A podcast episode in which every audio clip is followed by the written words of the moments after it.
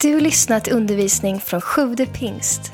Vi hoppas att Guds ord ska tala in i ditt liv och fördjupa din relation med Jesus. Besök gärna vår hemsida, www.sjuvdepingst.se. Då står det så här då i Lukas 2, från vers 6. När de befann sig, Josef och Maria, där var tiden inne då hon skulle föda. Hon födde sin förstfödde son och lindade honom och la honom i en krubba eftersom de inte fick plats i härberget. I samma trakt uppehöll sig några herdar som låg ute och vaktade sin jord om natten. Då stod en Herrens ängel framför dem och Herrens härlighet lyste omkring dem och de blev mycket förskräckta. Men ängeln sa, var inte förskräckta. Se, jag bär bud till er om en stor glädje för hela folket. Ty idag har en frälsare blivit född åt er i Davids stad och han är Messias, Herren. Och detta är tecknet, ni ska finna ett nyfött barn som är lindat och ligger i en krubba. Och plötsligt var där tillsammans med ängeln en stor himmelsk här som prisade Gud. Ära vare Gud i höjden och frid på jorden till människor hans välbehag. När änglarna hade farit upp till himlen sa herdarna till varandra, låt oss nu gå till Betlehem och se det som hänt och se och som Herren har låtit oss få veta. De skyndade iväg och fann Maria och Josef och barnet som låg i krubban. När de hade sett det berättade de vad som hade sagts till dem om detta barn. Alla som hörde det förundrade sig över vad herdarna berättade för dem. Men Maria bevarade och begrundade allt detta i sitt hjärta och herdarna vände tillbaka och prisade och lovade Gud för allt som de hade hört och sett, alldeles som det hade blivit sagt till dem. Eh, det som hände här är ju en, en fullständigt enorm händelse. Alltså Guds son föds till jorden. Och när Gud låter detta enorma ske så låter han inte underrätta de religiösa ledarna i Jerusalem. Det brydde han sig inte om. Eh, eh fariseerna och de skriftlärde, de, de fick inte veta någonting. Det gick också rakt förbi alla kungar och mäktiga herrar. Eh, när Gud beslöt att droppa den här nyheten för några enkla herdar. Och när Gud sen ska utse en lämplig plats för detta eh, så eh, blev det inte den religiösa högborgen Jerusalem. Inte heller ett kungligt palats passade bra. Nej, Gud ansåg att den, lämp, den, den bäst lämpade plats för, platsen för detta var Betlehem, som man lite såg ner på. I, i ett enkelt litet stall, bland åsnor och, och annat, som man inte ska nämna. Där ska den mäktige gudasonen födas. Och i detta finns ett budskap. Och det är att Gud kommer till det svaga. Och det är det jag vill trycka på lite idag. Han kommer till det ödmjuka, till det som känner ett fullständigt beroende utav honom. När Gud ska sätta sin plan i verket, då är han inte beroende utav människors styrka eller visdom eller eh, mänsklig förmåga. Tvärtom, det kan komma i vägen för Gud. Nej, det Gud är beroende utav är det fullständiga beroendet utav honom. Fariséerna och de skriftlärde, de trodde att de var oumbärliga. Att Gud var beroende utav dem. Så därför gick Gud rakt förbi deras rygg. Vi läser här i första Korinthierbrevet kapitel 1.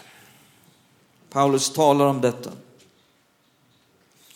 Vers 26 30 så står det Bröder, se på er egen kallelse, inte många av er var visa om man ser det till det yttre. Inte många var mäktiga, inte många av förnäm släkt. Nej, det som för världen var dåraktigt har Gud utvalt för att låta det visa stå där med skam. Så om du känner dig utvald så är det för att du antagligen var en dåre. Det är därför jag får vara med. Halleluja. Ja, men det, det, det, liksom, det, det ligger någonting i det. Och, och var var jag nu då? Och, det som, ja, det som för världen var, åh Gud, för att låta det visa står det med skam och det som för världen var svagt, kan jag säga svagt?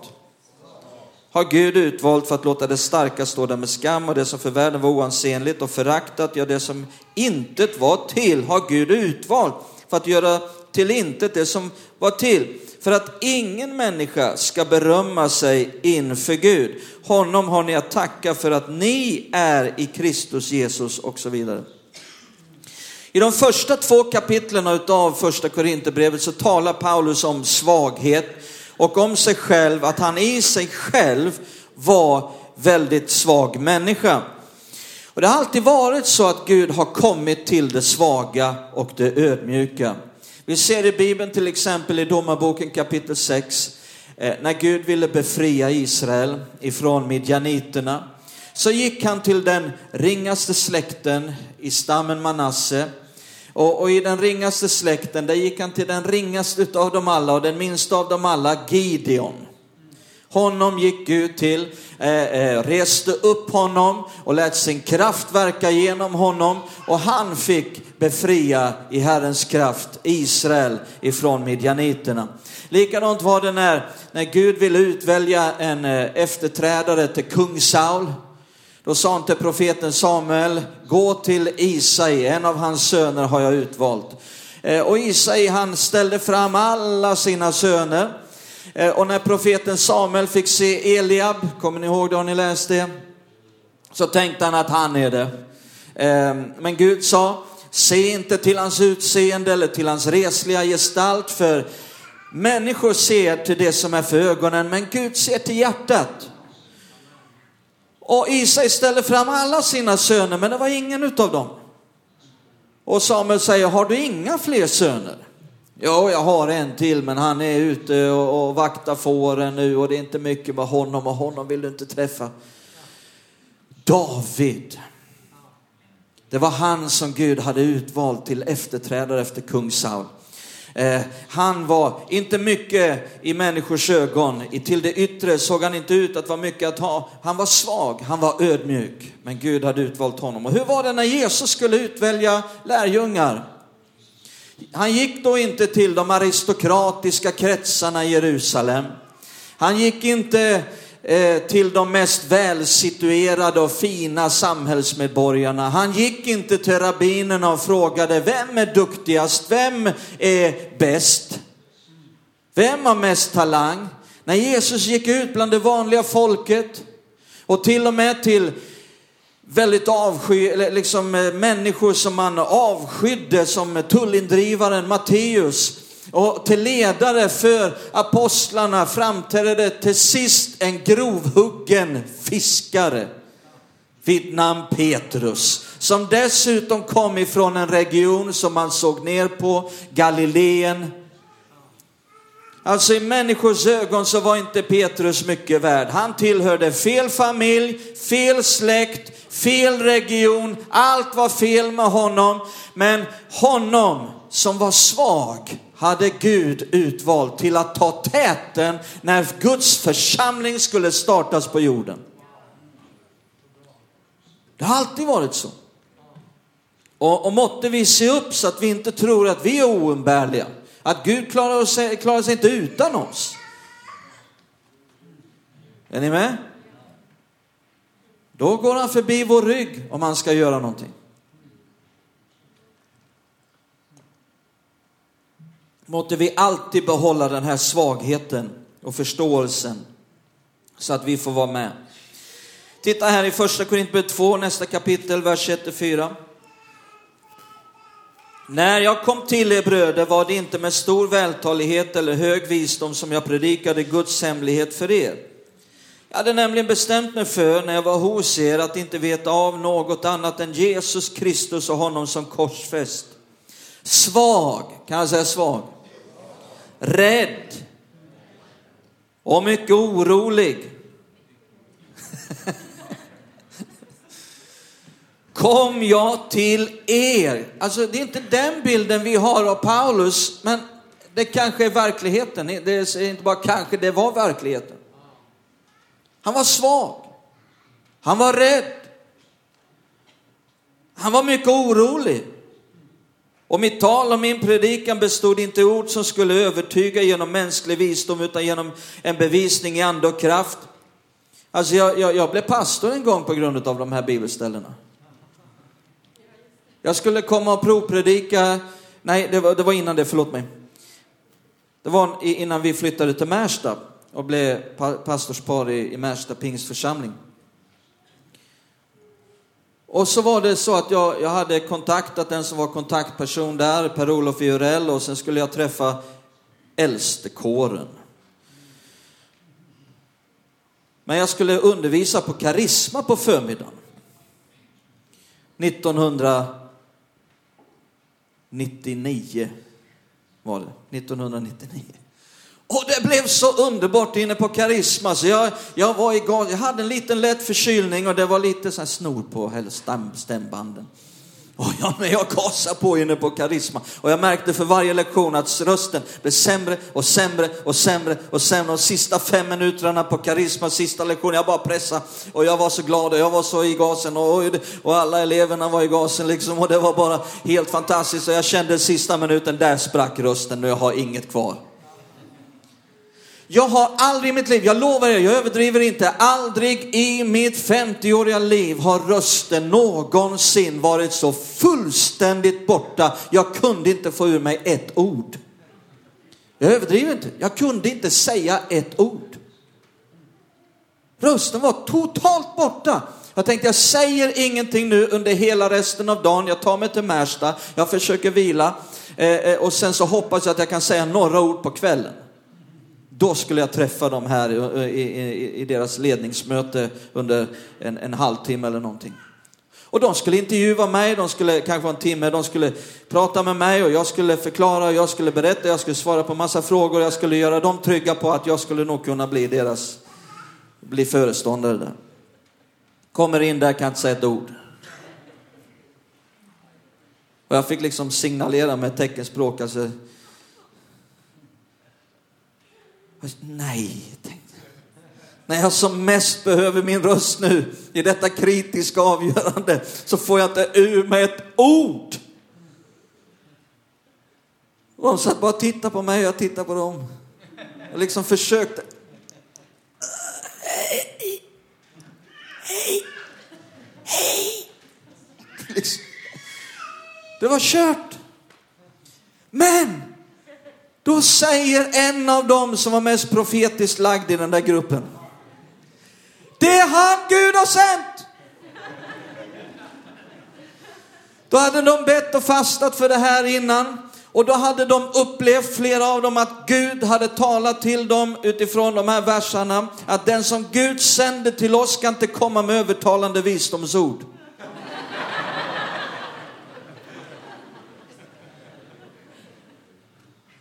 Det är ju det det handlar om. Han är det, ungefär som där Ferdinand. Det är han, honom vill vi ha.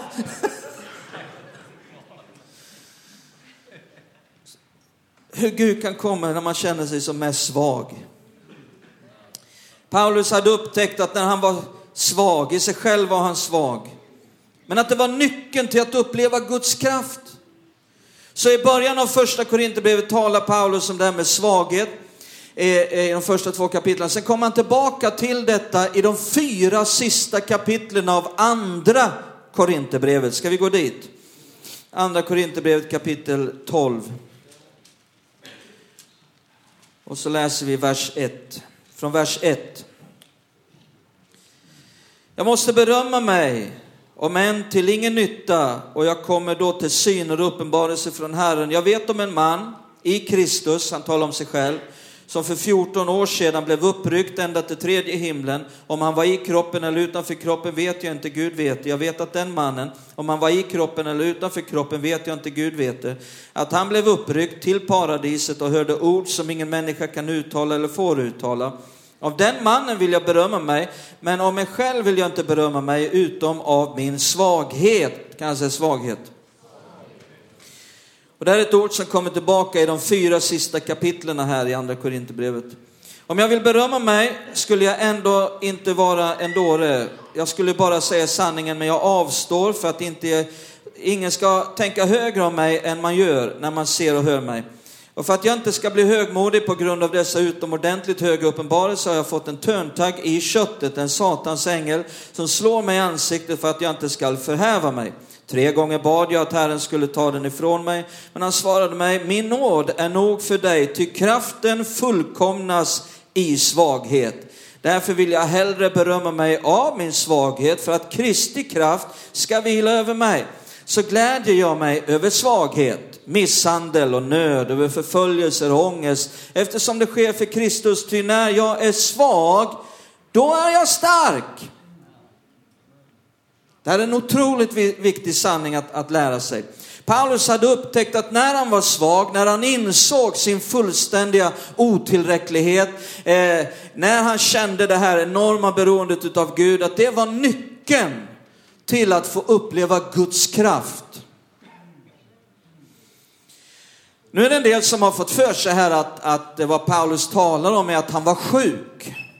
Eh, att den här töntaggen i köttet var en sjukdom. Det har till och med skrivits hela böcker om att Paulus hade en orientalisk ögonsjukdom och det kom eh, skum rinnande ur ögonen och Paulus var sjuk. Eh, och det ledsamma är att, att eh, den eh, undervisningen har, har orsakat att människor blivit osäkra på om det är Guds vilja för dem att ta emot helande. Det har varit väldigt olyckligt. Och, det beror på att man har felaktigt kopplat ihop några bibelsammanhang och skapat detta som är helt felaktigt att Paulus var sjuk. Men många kristna överallt har tänkt att jag kan ju inte tänka mig att jag ska bli helad när Paulus till och med var sjuk och han bad till Gud om helande, men Gud sa nej. Så vem är jag då? Han, Gud hade någon eh, speciell anledning här för Paulus att han skulle vara sjuk. Låt oss stanna upp här och se. Vi behöver reda ut ett par saker i dessa verser som vi läser här. För det första så ser vi inte ordet sjukdom överhuvudtaget nämnas. Det står inte där. Hade det stått där sjukdom, Paulus gladdes över sjukdom, då hade vi vetat att Paulus var sjuk, end of discussion. Men ordet sjukdom finns inte där. Det är det första vi ser. Ja, då var det någon som sa till mig för en del år sedan, ja men det står ju törntagg i köttet, i köttet. Och köttet måste ju handla om hans kropp. Det var ju i köttet han hade det här.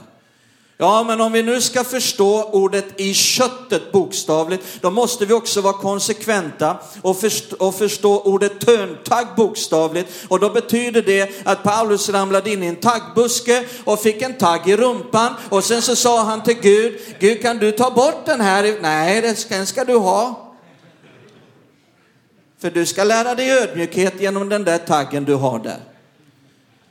Nej, eh, uttrycket törntagg i köttet är ett idiomat, idio, idiom, idiometriskt, idiomatiskt uttryck eh, som har en väldigt specifik betydelse. Det är ett uttryck, ett idiomatiskt uttryck som finns på flera ställen i Gamla Testamentet. Eh, och Paulus, han kunde Gamla Testamentet. Han, kunde, han hade lärt sig det sedan han var liten pojke. Han kunde citera stora stycken ur Gamla Testamentet utan till. Eh, och hela tiden i sina brev så citerar han hela tiden Gamla Testamentet och använder hela tiden uttryck från Gamla Testamentet. Och, och, och uttrycket töntagg i köttet är ett gammaltestamentligt uttryck som betyder någonting väldigt speciellt. Ska vi se vad det betyder? Titta här i fjärde Mosebok 33. Fjärde Mosebok 33 och vers 55.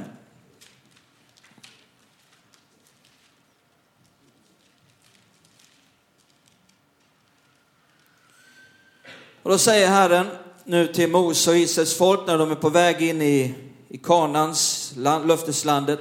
Men om ni inte driver bort landets inbyggare för er, då ska de som ni låter vara kvar bli törnen i era ögon och taggar i era sidor. Är ni med? Törntaggar i köttet. Eh, och de ska tränga er i landet där ni bor. Vi kan ju inte uppfatta det som står här att landets inbyggare där skulle besmitta dem med sjukdom. Det betyder inte sjukdom här, utan vad betyder det? Mänsklig opposition från människor, motstånd från människor. Det är det som detta idiomatiska uttryck betyder. Det står också i Josua 23, vi kan läsa det också, Josua 23. Och vers 13. Då ska ni veta att Herren er Gud inte mer ska fördriva dessa folk för er. De ska bli en snara och en fälla för er och ett gissel för era sidor och taggar i era ögon till dess ni blir utrotade ur detta goda land som Herren er Gud har gett er. Och till och med i vår tid så används det här uttrycket, uttrycket eller liknande uttryck en tagg i sidan för att beskriva jobbiga människor som eh, behandlar oss illa eller gör oss illa i, i vår omgivning.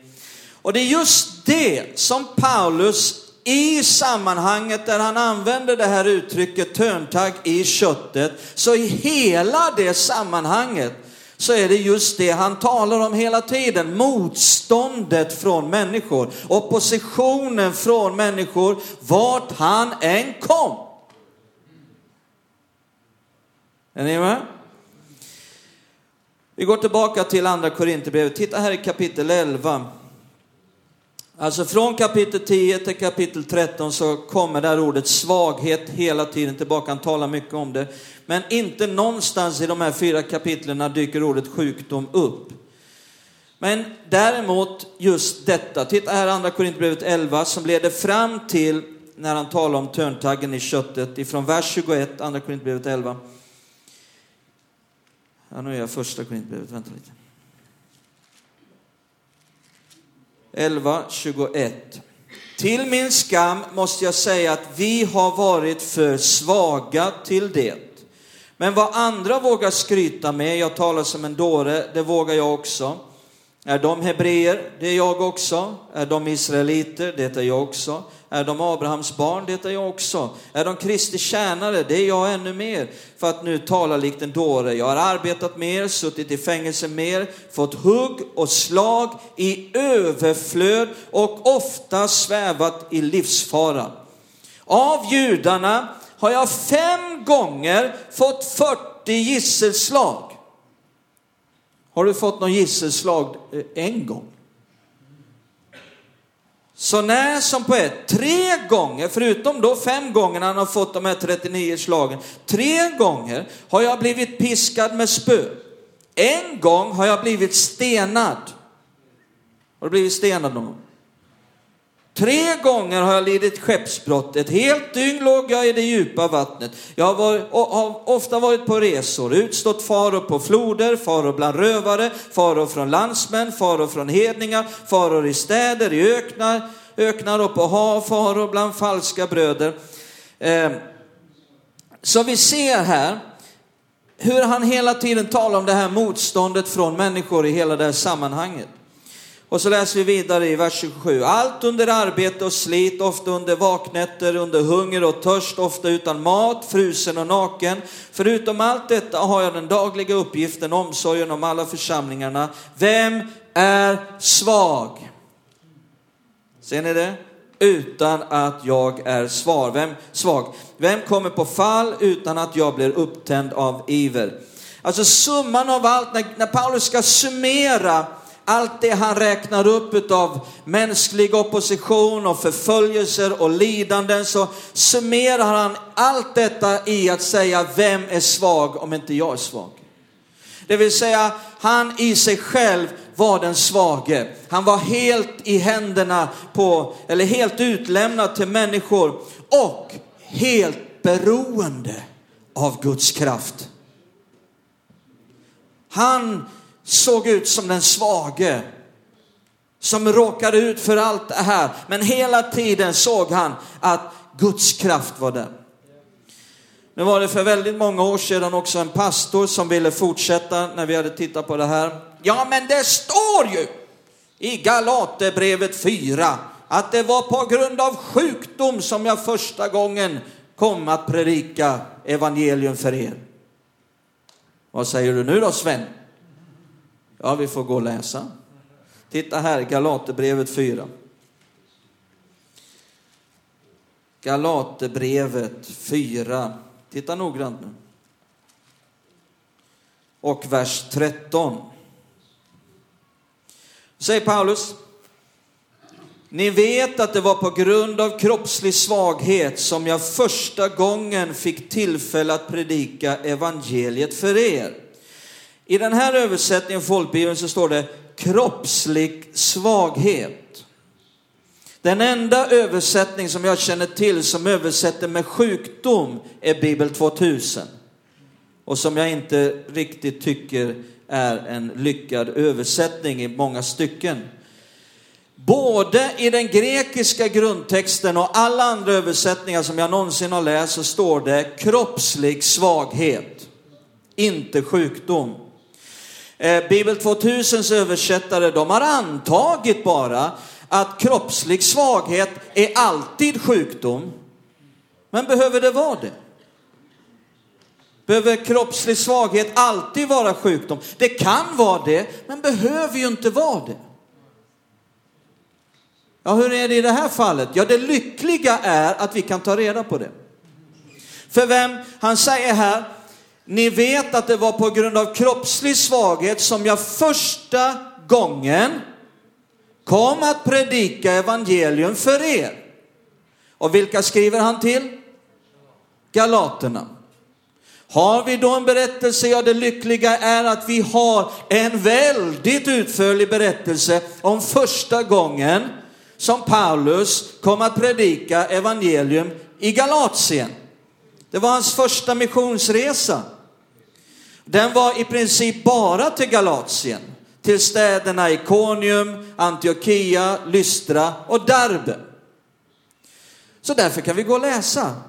Och, det, och då kan vi se, hittar vi någonting som antyder till kroppslig svaghet i, dem, i den berättelsen? Ja, absolut. Faktum är att det var under den resan som Paulus blev så kroppsligt svag så att han antagligen aldrig mer var så kroppsligt svag som just under den resan när han första gången kom att predika evangelium för dem i Galatien. Titta här i, i Apostlagärningarna 14. Apostlagärningarna 14. Och så läser vi från vers 19 till 21. Från Antiochia och Ikonium kom det nu några judar.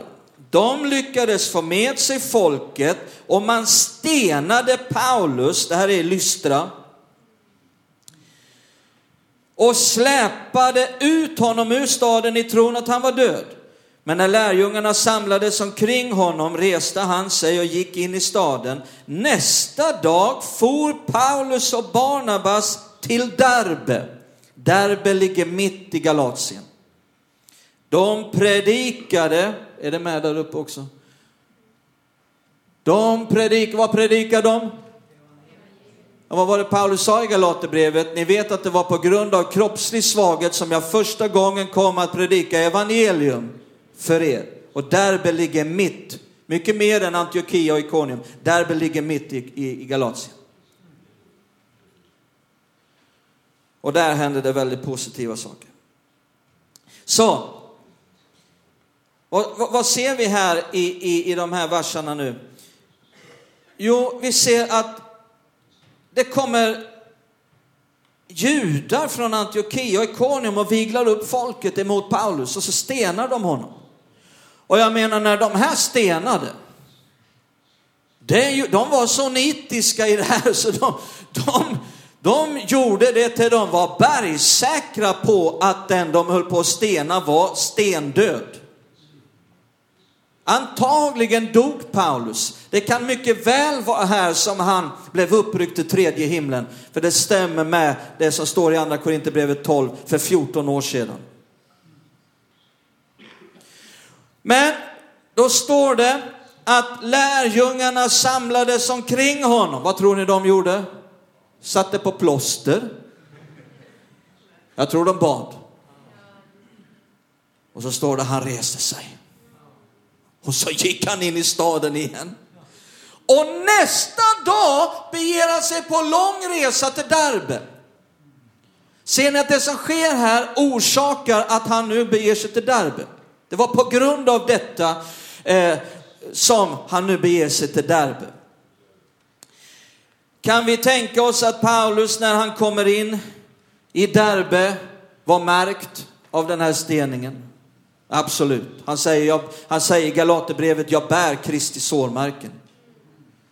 Han var antagligen fruktansvärt tilltygad när han kommer in i, i Derbe. Man kan se på hela han att någonting fruktansvärt har hänt. Kanske han var fullständigt igenmosad i hela ansiktet.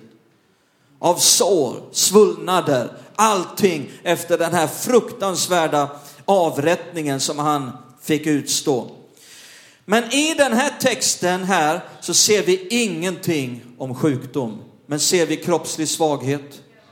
Absolut.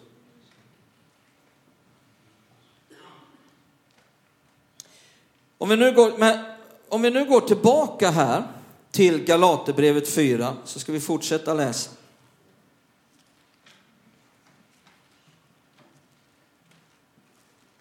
Två verser till.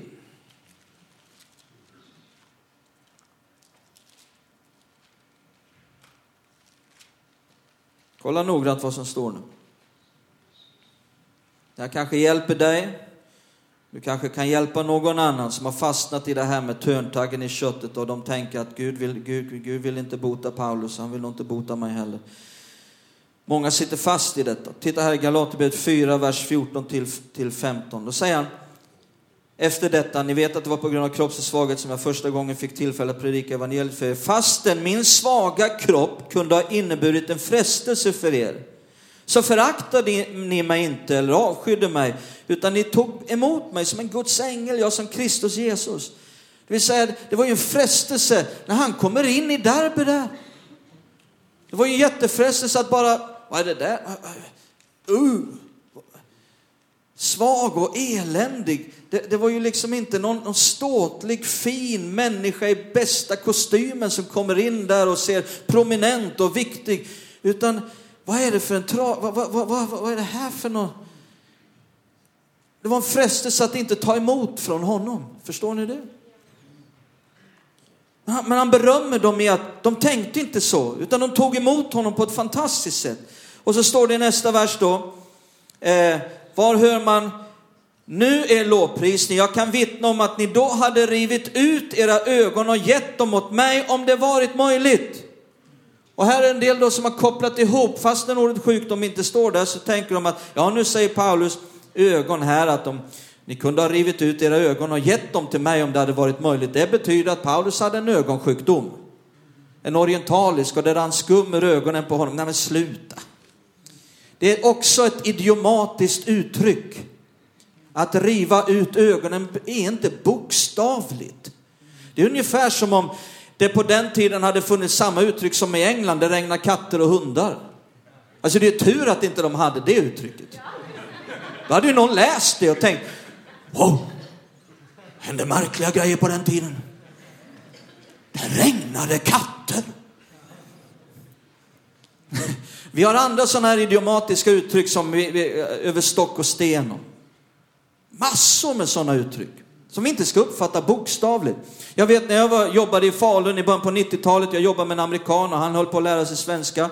Eh, och, och, och så fick vi ett, hade han fått ett brev, jag kom hem till honom och så säger han, wow, det har skett ett under! Titta här, ett vittnesbörd. Hon har skrivit. Och jag bara prisar Gud för det här, säger han. På engelska. Jag, jag läste då, jag tänkte, vad underbart. Ja, han säger, titta, hon har varit med om ett helande. Hon hade inget skinn på näsan innan, men nu har hon fått det.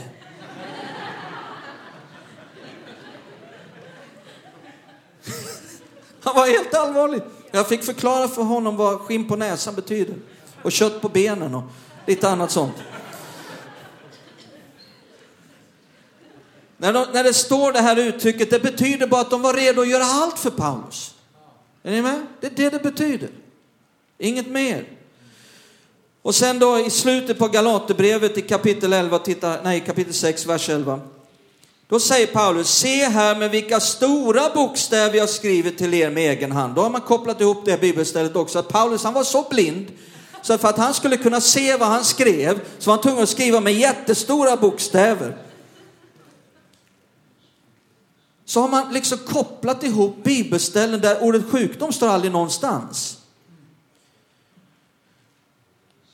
Du kan få Bibeln att säga precis vad som helst genom att, att göra på det här sättet. Titta nu i vers 17, vad står det däremot? Vers 17, nu må ingen plåga mig längre eftersom jag bär Jesu märken på min kropp. Det är det lidandet han fick vara med om.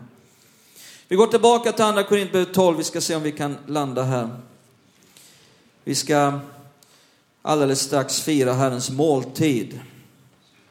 Men vi ska läsa lite grann alldeles här till slutet och landa här. Andra Korinthierbrevet 12, vers 5 till 7.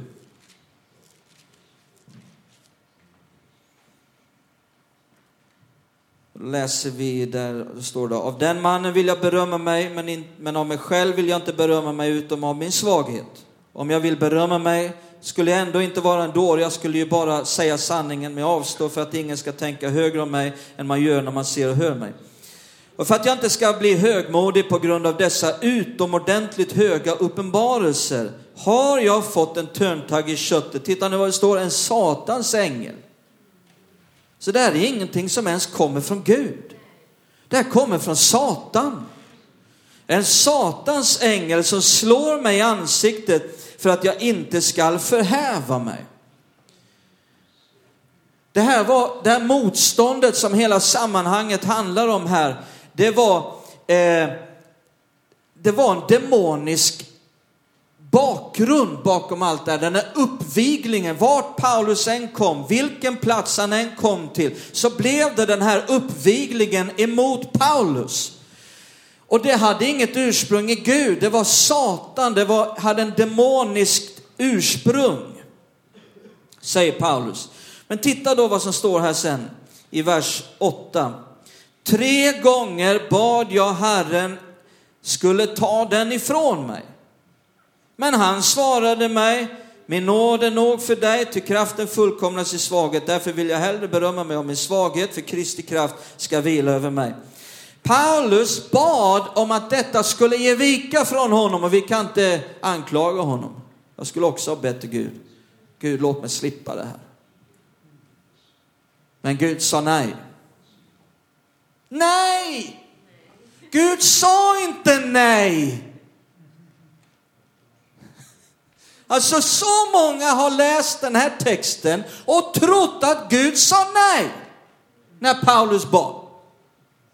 Var ser du ordet nej? står ingenstans där. Men man har tolkat det som ett nej. Men vet du vad? Gud gav ett enormt positivt svar, inte ett negativt. Men en del de har läst det som att Gud säger, nej, nej Paulus, det vill jag inte göra. Det får ju räcka med min nåd. Alltså räcker det inte med att du har blivit frälst ungefär. Det är inte det Gud säger. Gud gav ett väldigt positivt svar. Inte att han skulle ta bort motståndet som Paulus upplevde, men att han skulle få kraft att leva i seger över det. Halleluja. Vi måste förstå vad Guds nåd betyder. Det var Guds nåd som gav honom kraft att vara en övervinnare så fort det här motståndet visade sig. Guds nåd var Paulus nog när han kom till Lystra och blev stenad till döds. Guds nåd var honom nog och uppväckte honom från de döda, gav honom kraft att fortsätta obehindrat i sin tjänst. Guds nåd var Paulus nog när han kom till Filippi och de kastade honom i stadsfängelset. Då var Guds nåd honom nog och skakade det här fängelset och satte Paulus på fri fot så han kunde döpa den här fängelsevaktaren. Halleluja. Guds nåd var Paulus nog hela tiden. När jag är svag, då är jag stark. Vet du vad? Gud talar om behovet av svaghet. Alltså, Jag sa Gud talar om behovet av svaghet. Är inte det bra? Att Gud kräver inte styrka från dig. Gud kräver inte visdom från dig. Gud kräver inte förmågor ifrån dig. Att du måste vara duktig, att du måste vara bäst, att du ska vara så här i dig själv. Nej, Gud talar inte om att vi behöver vara starka i oss själva. Utan tvärtom så talar Gud om behovet av svaghet. Bär med dig det idag. Gud vill använda dig. Gud har en plan för dig. Gud vill komma till dig den här juletiden. Är du här idag och du har bara känt, jag är så svag. Jag har inget att komma med. Jag duger inte till någonting. Jag, jag kommer från fel släkt, fel familj, fel sammanhang. Jag är bara fel. Det är bara fel med mig. Jag är ett stort fiasko. Kanske du kom hit och kände så. Vet du vad? Då säger Gud bra. Då kan vi börja där. Då kvalificerar du för min kraft. Om du är svag, orolig, mycket rädd. Där vill Gud komma. Tack för att du lyssnat. Glöm inte att du alltid är välkommen till vår kyrka. Du hittar mer info på www.sjodepingst.se